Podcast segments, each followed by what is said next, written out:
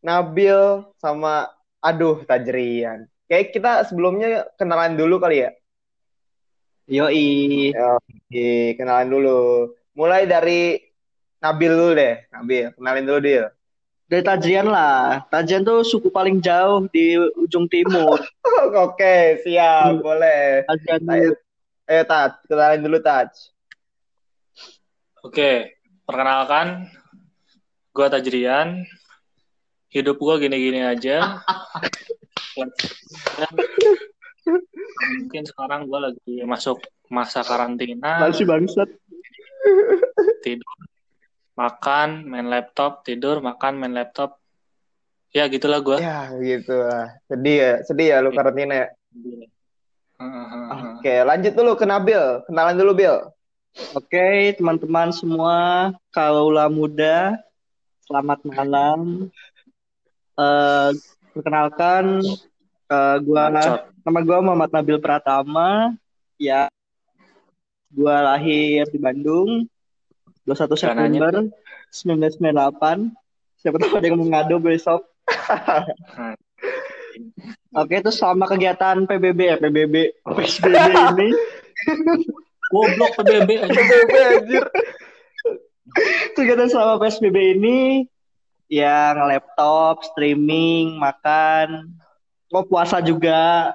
Ah, tuh. Dengar Taj, Udah sih gitu aja. puasa. Repeat-repeat lah kayak gitu. Tajian sih nggak puasa kayaknya. Dia Ya, kan agnostik Ya, katanya. nggak nggak tahu sih puasa apa enggak, tapi ya ya udahlah ya. Enggak, masalahnya masalah puasa dan enggak itu adalah privacy Iya. dan personalitas. Bener banget. Iya, bener. Nah, eh belum, gue belum kenalan nih. Ya lo belum cu, lo belum cu. Iya. Kenal dulu. Siapa juga yang mau tahu lu, Doi? Kalau gua kenalin nama gua Dandi Akmal, biasa dipanggil Dandoy atau Dandi. Gua itu kegiatan selama PSBB ini ya nonton, makan, kalau habis buka, tidur, berak, repeat. Nonton lagi, makan, tidur, repeat. Gitu-gitu aja terus. Kalau Tajian nggak nggak ada berak anjir dia langsung ditelan semua. Oh iya, bener dia. Dia menguap anjir, dia nggak berak, kencing. Dia pergi lah si makanannya anjir. Dia keluar jadi keringet langsung. Iya, keluar keringat langsung langsung menguap anjir. Tapi Baca. tapi gue tuh eh, ini apa? Gue tuh mulai kesel sama kegiatan gue ini karena eh, selama dua bulan ini kegiatan gue selama di rumah ini merasa sia-sia gitu. Ketika gue ngelihat orang-orang yang di McD Sarinah dan di Bandara Soekarno Hatta tuh rame, itu tuh ah, bangke banget. Orang lagi PSBB di zona merah, di McD Sarinah deh, orang lagi PSBB eh, di zona merah, tapi lagi eh, rame itu masih rame gitu waktu PSBB. Gue tuh merasa nggak guna gitu eh, waktu gue di rumah gitu. Kalian gimana sih menurut kalian? Kalau gua sih merasa kayak dihianati ya. Siapa sih yang nggak suka dihianati anjay? Dia Jadi kayak kita kita udah dua bulan kan di rumah gitu kan diem nggak ke mana-mana mentaati peraturan yang diadakan pemerintah. Tapi orang lain malah seenaknya dengan yaudah bodo amat gitu. Gue pin belanja, gue pin ke McD, gue pin pin nostalgia lihat McD sama mbak-mbaknya mungkin atau apa pun itu. Dia senang aja gitu, nggak peduli sama adanya corona dan peraturan diadakan pemerintah. Terus juga mereka nggak peduli dengan kita yang udah eh, apa bersikeras untuk diam di rumah gitu, yang udah goblok di rumah gitu. Dan dia nggak bisa ngapa-ngapain gitu. bener banget sih kita udah kayak udah diem doang nih kita kayak kita nggak ngapa-ngapain lagi kita nggak keluar ke mana-mana kita diam di rumah tapi masih banyak gitu orang yang mungkin eh, terlepas dari orang-orang yang eh, butuh keluar gitu ya kayak kerjanya di luar atau butuh cari makan Iya, itu iya. terlepas dari itu ya terlepas dari itu cuman kalau misalnya kayak orang-orang yang pergi gitu cuman nongkrong atau cuman main-main doang itu tuh kayak kita dua bulan di sini tuh ngapain gitu kan Ya Iyalah. Iya sih? Kau Tajan nggak Taj? Kalau gua sih lebih ke kalian terlalu lebay menanggapi hal ini, cuy. Kalau gua di Gimana rumah, tuh, kalau gua di rumah itu ngerasa gua adalah orang yang paling bermanfaat di dunia, cuy. Mantap. Ketika kita benar, cuy. Berarti benar. sebelumnya nggak berguna ya? Iya, sebenarnya gak berguna nih orang. Sebelumnya Tapi benar, cuy. ketika ketika lu diam di rumah itu kan lu berkontribusi untuk tidak menyebarkan virus corona keluar Bener bener. dan itu adalah salah satu kegunaan kita sebagai individu kalau misalnya kita lihat secara kolektif ya oke lah memang orang-orang di sana ya banyak orang-orang bego yang tidak mengerti mengenai uh, mekanisme penyebaran virus corona gitu Bukan bukan bego. atau bukan mungkin atau mungkin mereka Tapi atau mungkin mereka udah Iya, atau mungkin mereka udah mengerti tapi mereka tidak terlalu peduli dengan hal itu. Atau mungkin atau mungkin mereka memang sedang eh, emang butuh gitu loh, emang butuh untuk keluar dan gue tidak menyalahkan orang-orang yang butuh untuk misalnya dari driver Gojek, terus juga orang-orang yang bekerja harian gitu yang kalau misalnya dia nggak kerja dia nggak bakal dapat makan. Dan apa ya tapi kita di rumah kita di rumah ini menurut gua kalau kalau kalian berdua itu ngerasa nggak nggak ada manfaatnya kalian di rumah kalau gua ngerasa ketika gua di rumah gue ini adalah orang yang paling bermanfaat di dunia. Kenapa ya? Karena gua nggak menyebarkan virus walaupun mungkin di luar sana banyak orang yang sering keluar dan itu eh, memiliki potensi untuk menyebarkan virus setidaknya dimulai dari diri gue sendiri gue nggak keluar rumah dulu. Memang pergerakan-pergerakan besar ini nggak bisa kita lakukan secara langsung dan secara masif langsung semuanya di rumah nggak bisa. Harus ada yang namanya an- perantara harus ada yang namanya eh, apa namanya proses untuk mereka mengerti. Ya mungkin orang-orang di sana orang-orang yang berani keluar itu adalah orang-orang yang memang belum pernah ngerasain corona gitu dan atau mungkin mereka tidak mengerti mengenai corona dan yang gue lihat biasanya Indonesia ini di Indonesia ya khususnya di Indonesia ini kita itu lebih aware terhadap eh, hal yang sudah kita kena gitu. Maksudnya kayak misalnya di satu kampung itu biasanya kita udah apa pas pada saat pandemi ini biasanya kita keluar dan kita nggak terlalu peduli dengan corona. Tapi ketika ada orang dua, tiga, empat orang kena corona di kampung itu pasti mereka langsung tiba-tiba panik dan takut. Itu adalah menurut gue itu adalah yang biasa dilakukan di Indonesia gitu loh dan mereka ini tidak tidak apa ya tidak memiliki tindakan preventif tapi dia hanya apa namanya bukan mencegah tapi mereka itu lebih ke lihat dulu nih ada atau enggak gitu loh habis itu oh ternyata bener ada corona takut ah diam di rumah gitu Berarti biasanya biasanya kayak gitu berarti lebih kayak nunggu ada tumbalnya dulu gitu ya? iya iya mereka lebih nunggu lebih nunggu kayak ini bener konkret ternyata ada corona dan ada pasiennya dan ada yang mati dan itu tetangga Hmm. mereka gitu loh. Ketika gitu mereka pasti takut. Tapi ketika nggak ada siapa pun yang terkena, ya mereka udah acu-acu aja gitu. So, toh secara konkret nggak ada nggak ada efek untuk dirinya untuk takut gitu loh. Oh iya iya. Berarti tuh orang-orang Indonesia ini kayak butuh bukti dulu gitu ya. Bukti dulu baru bisa tahu Iya. gitu. Iya makanya keluar teori-teori konspirasi Ah, mengenai corona itu. konspirasi lagi, konspirasi lagi.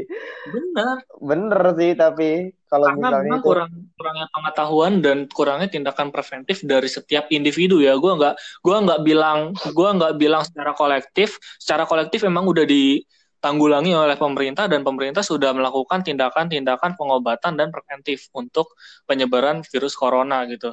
Dan pun kalau misalnya pemerintah itu sudah melakukan tindakan preventif, tapi secara di bawah di bawahnya, maksudnya individu-individunya itu tidak terlalu ngeh terhadap Tidak corona itu,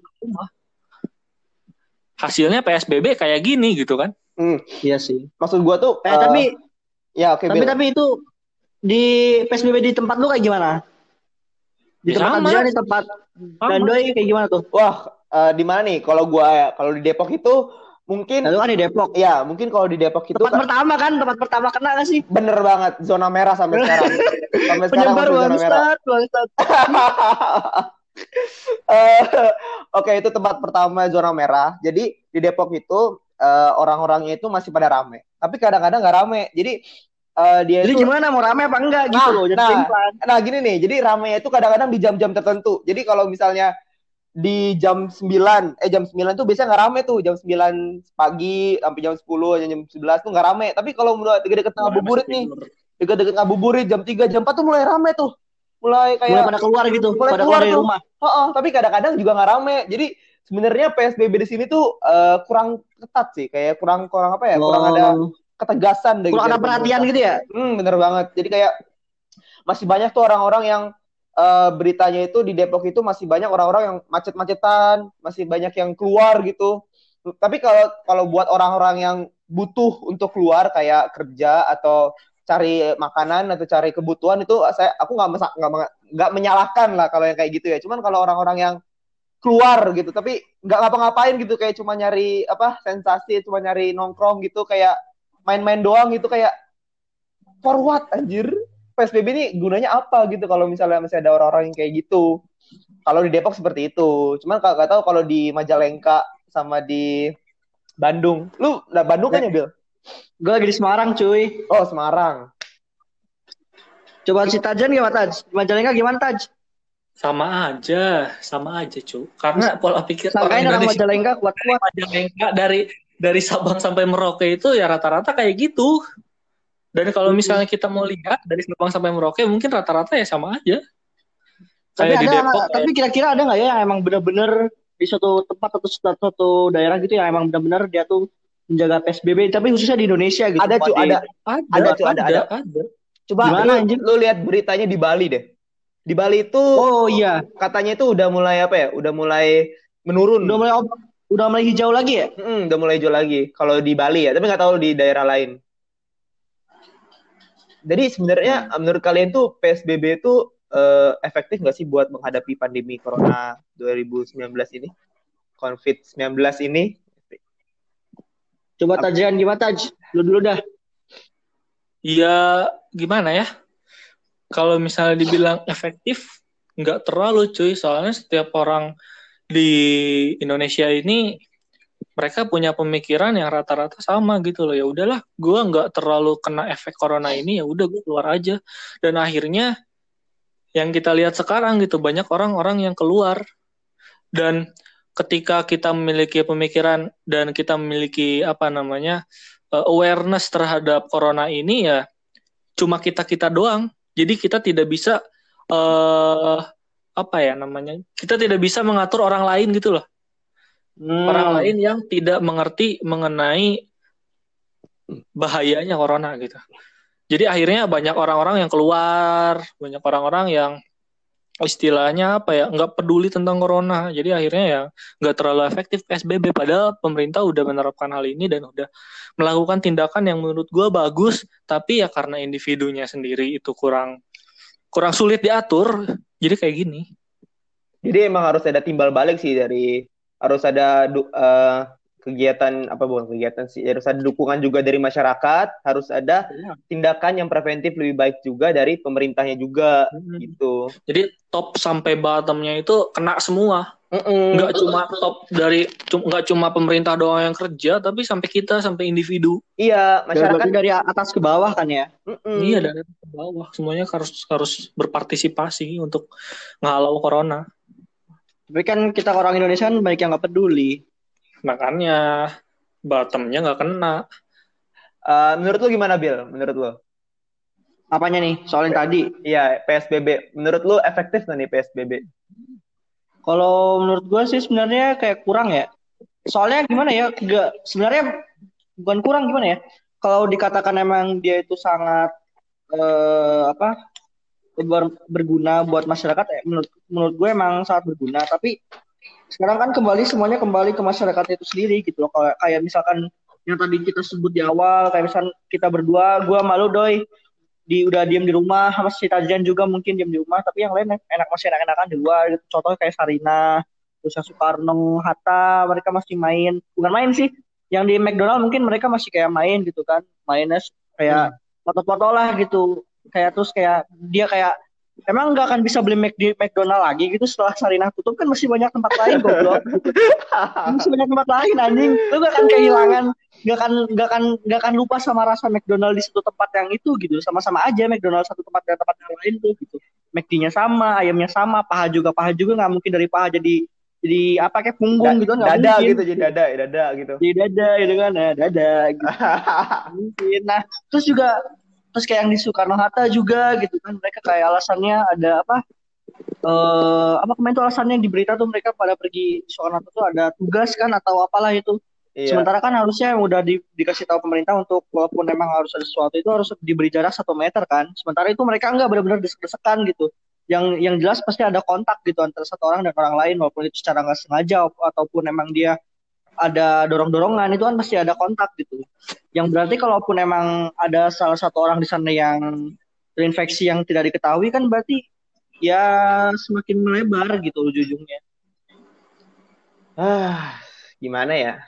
Kalau gue sih mikirnya dulu waktu pertama kali di berita ada corona mulai booming di Indonesia itu tuh menurut gue mending kalau gue jadi presiden gue bakal nutup transportasi sih transportasi udara sama air sama darat sih sebenarnya.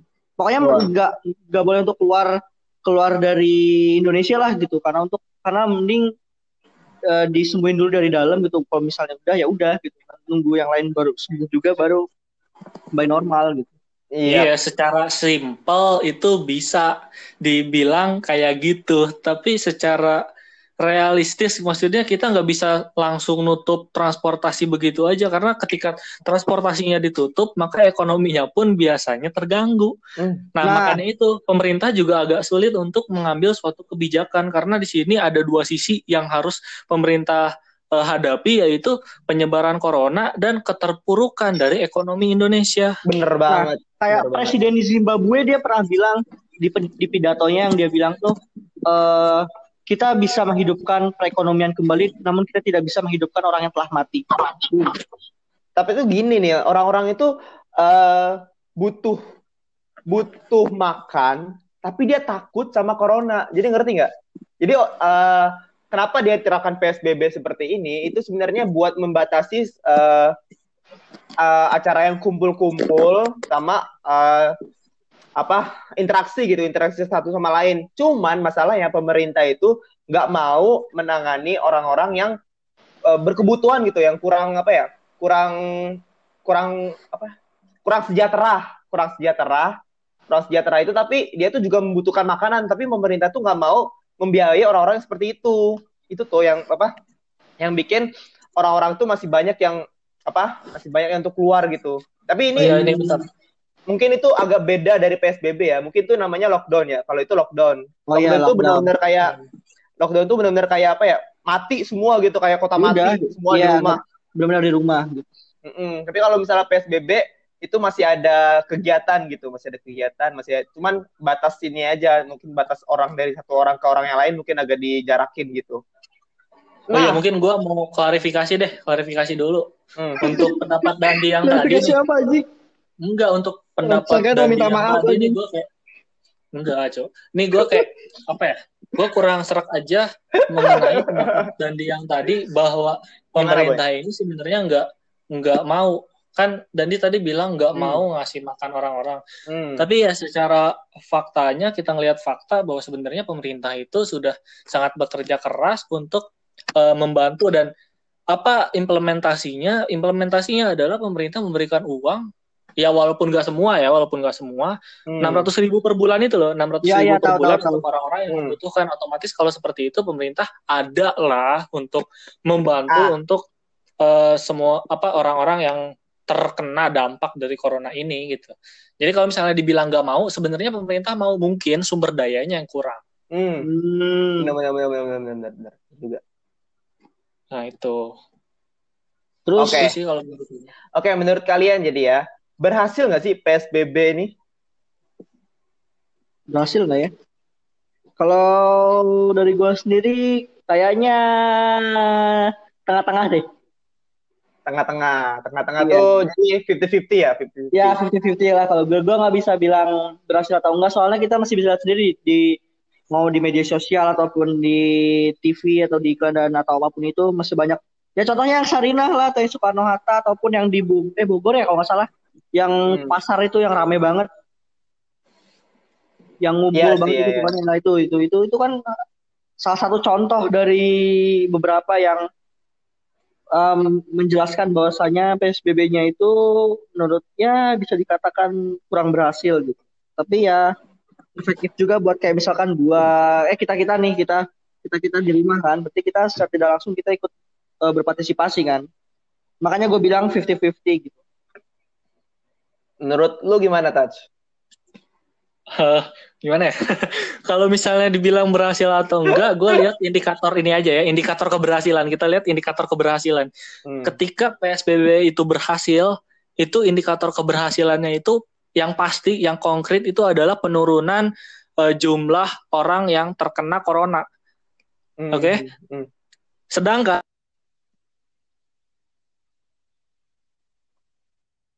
Sedangkan sedangkan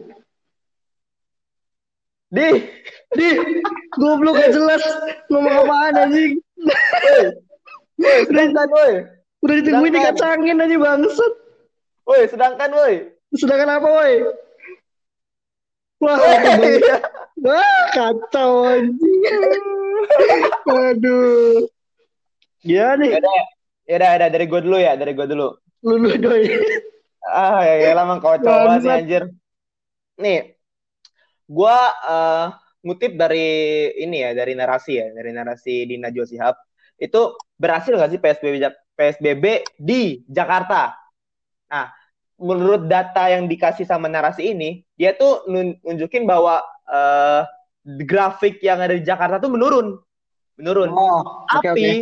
tapi, tapi kalau misalnya kita lihat di ini, kita lihat di daerah-daerah lain seperti di Jogja sama di Surabaya itu nah grafiknya naik. Hmm. Grafiknya naik.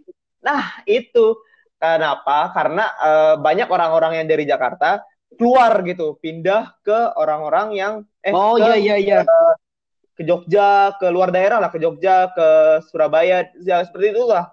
Nah, ini juga yang bilang kalau misalnya uh, presiden kita, Presiden Jokowi itu bilang kalau misalnya dilarang jangan mudik atau jangan pulang kampung. Mm-hmm. Nah itu yang sebenarnya biar kita tuh eh, nggak uh, ini apa nggak menambah kasus bertambahnya COVID-19 ini seperti itu. Ya, betul betul.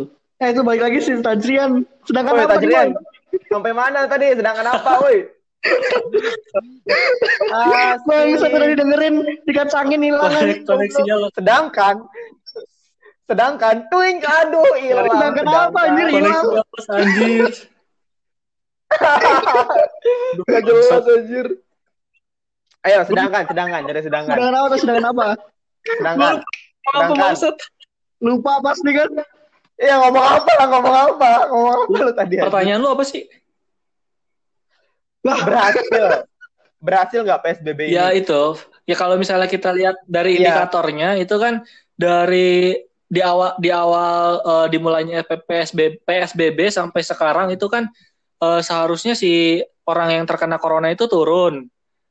Nah, nah ya. sedangkan kalau misalnya kita lihat perkembangan orang yang terkena corona pada saat mulai PSBB sampai sekarang itu malah naik.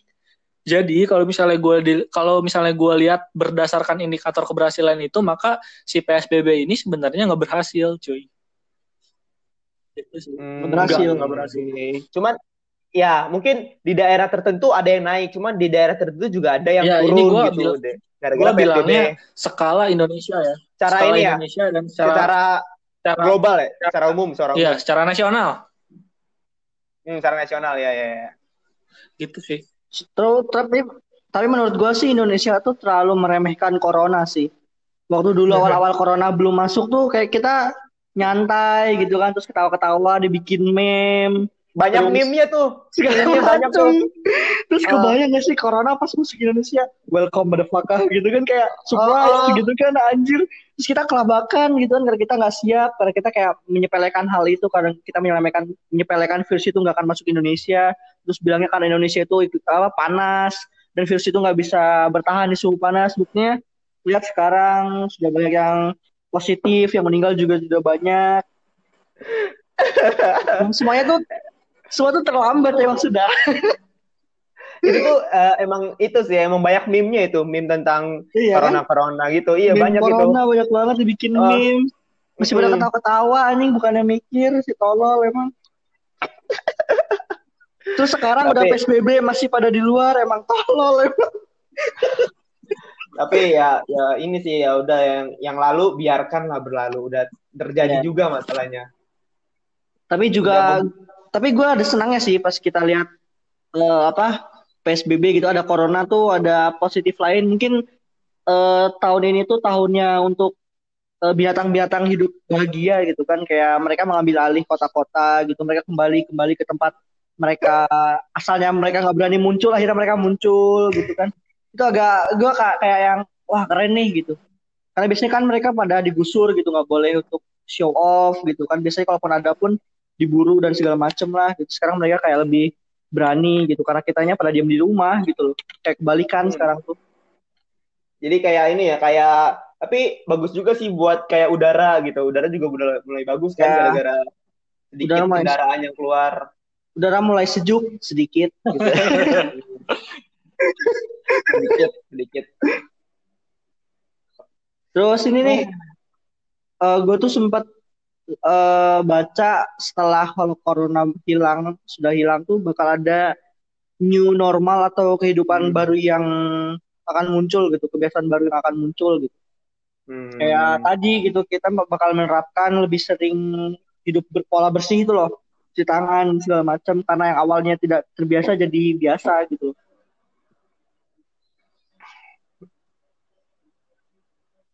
guys?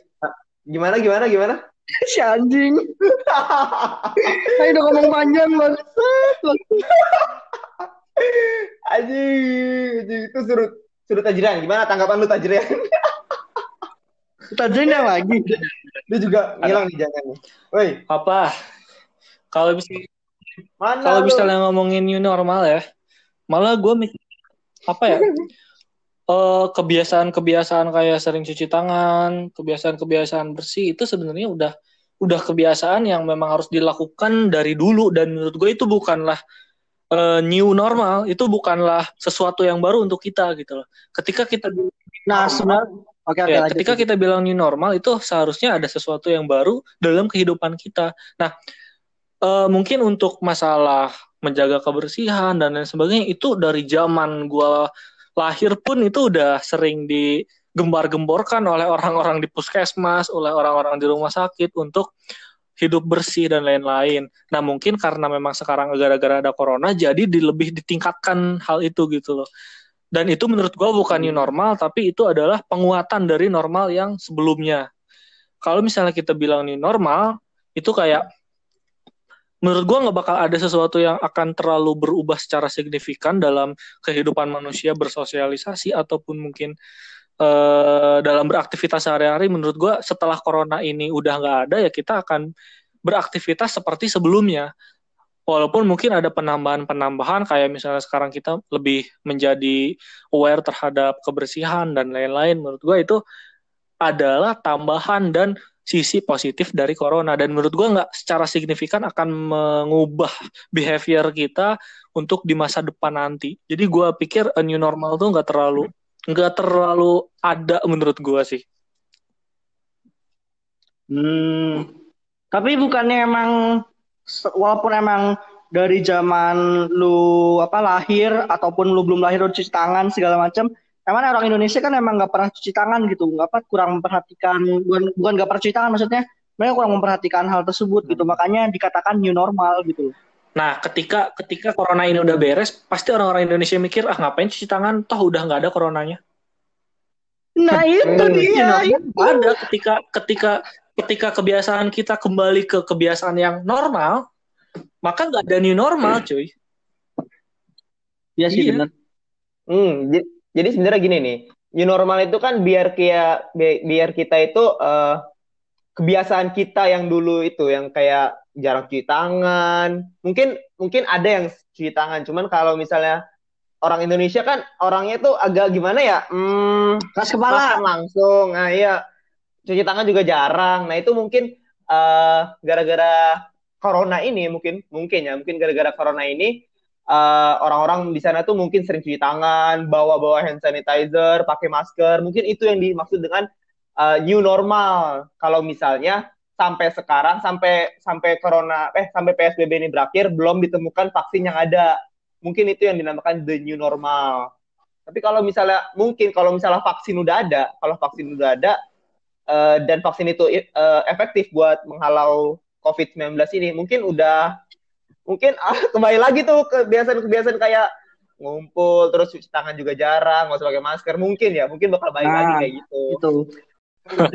Oke jadi menurut Tajilan gimana kesimpulan yang tadi omongan kita tadi Oke, jadi kita kan tadi udah berbicara mengenai corona awalnya, terus juga PSBB apakah efektif di setiap wilayah, kemudian Hmm. juga ada apakah sebenarnya PSBB ini efektif dalam skala nasional dan menurut gua dengan adanya PSBB sebenarnya ini adalah menjadi tindakan yang menurut gua bagus dari pemerintah, tapi karena memang kurangnya kesadaran diri setiap dari setiap individu yang ada di Indonesia, jadi kayak seolah-olah si PSBB ini menjadi tidak efektif. Dan juga memang hasilnya jika kita lihat dari indikator keberhasilan yaitu eh, jumlah orang yang terkena corona maka si PSBB ini masih kurang baik dan masih kurang berhasil.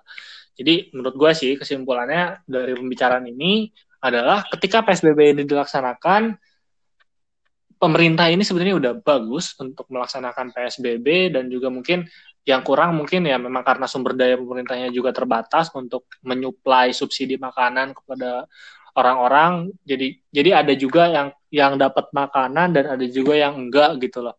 Sehingga memang dari pemerintahnya kurang persiapan juga dan dari kitanya juga memang masih kurang kesadaran mengenai dampak atau mengenai bahaya corona ini sehingga si PSBB ini kurang efektif dan kurang apa ya kurang baik dijalankan di Indonesia seperti itu. Jadi mungkin menurut gua PSBB ini masih kurang berhasil.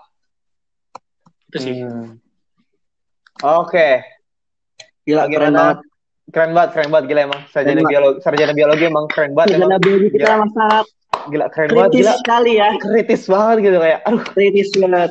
kritis Gila, banget. gila, gila. capek gue dengernya tuh oke bagaimana dengan saudara Nabil Kalau aku mau ngasih ini aja kali ya. Gak bukan kesimpulan apa ya kayak weh jangan weh jangan eh, wejangan buat orang-orang Ya, oke. yang di luar oke ataupun yang sedang diam di rumah. Oke oke gimana Pertama, buat orang-orang yang untuk kalian yang diam di rumah, Hmm. eh, ingat berarti kalian seperti apa yang dikatakan Prof Tajrian tadi, ya benar benar sekali kalau kalian itu tidak bukannya tidak berguna di rumah, tapi kan Hmm. sudah ikut berpartisipasi dalam mengikuti peraturan pemerintah dan juga membantu tenaga medis di sana untuk mengurangi bebannya walaupun sedikit. Terus juga ingat kalaupun kalian di rumah kalian bisa bantu-bantu orang tua kalian ataupun apalah itu. Dan dan kedua buat orang-orang yang masih bandel di luar eh hargailah tenaga medis juga hargailah orang-orang yang seperti kita-kita ini yang mentaati peraturan pemerintah untuk diam di rumah. Ya walaupun membosankan tapi ingat kita sudah berjasa untuk membantu eh, pra- eh, mewujudkan eh, peraturan yang sudah diadakan oleh pemerintah seperti itu. Hmm, mantap. mantap. Benar Ya banget intinya intinya itu sih. Intinya intinya yang di luar ini cepat tobat yang di rumah ini pertahankan lah ya. Iya. sampai berakhir sampai PSBB ini berakhir lah ya. Ya. sampai coronanya berakhir lah. Iya Ya, lah pokoknya boleh ntar- ya Ntar kalian pas kalian keluar dari rumah tuh kalian kaget gitu lihat, oh ini pohon, oh ini oh ini Oh, ini- awan, oh ini gitu. rumput. Rumputnya gimana oh ini rumput gitu. Terus Oh. kalian sudah melihat, terus kalian sudah melihat mobil-mobil sudah pada terbang di langit, sudah tidak pakai ban. kalian udah menginvasi bumi ya Nah Hmm, itu sudah, sudah, sudah aneh banget lah. pokoknya. Ya pokoknya uh, untuk orang-orang yang masih di luar, tolong banget, tolong kesadarannya biar tetap di rumah aja, kecuali orang-orang yang berkepentingan untuk keluar. Tapi kalau orang-orang yang udah di luar, eh, yang dalam, yang udah di dalam, terima kasih buat kalian yang udah di dalam karena kalian sudah berpartisipasi untuk uh, apa sih bahasanya? Bahasanya mencegah, mencegah penularan COVID-19 ini semakin melebar gitu. Ya, Terima kasih kepada saudara kita Tajrian dan saudara Nabil, Profesor Tajrian dan Profesor Nabil. Terima kasih Oke, pada Terima kasih atas waktunya dan uh, mohon maaf kalau misalnya kami ada kata-kata yang salah, kata-kata yang kurang berkenan. Ini semua hanya opini dari kami dan kalau Yoi. misalnya ada yang ber- tidak berkenan, kami mohon maaf. Ada Ya, sepatah dua Ya, oke, ada sepatah dua patah dari Tajrian. Oke, Tajrian silakan katakan Ya, silakan, patah dua Prof. patah. Prof Tajrian, Ya, selaku pakar biologi, ya, eh. pakar biologi silakan ngomong terakhir. Woi, Patah ngomong. kata, sepatah kata ya buat lu semua, Wah, buat gue semua, buat ya, buat kita semua. buat lu semua, Hmm. bacot. Oke, Nabil. Oke, sepatah kata dari Nabil. Gimana, Nabil? Ah, gue udahlah itu aja tadi. Itu tadi Oke. aja udah. Oke, terima kasih. Uh, kurang lebihnya mohon maaf dan goodbye. Sampai bertemu di episode selanjutnya.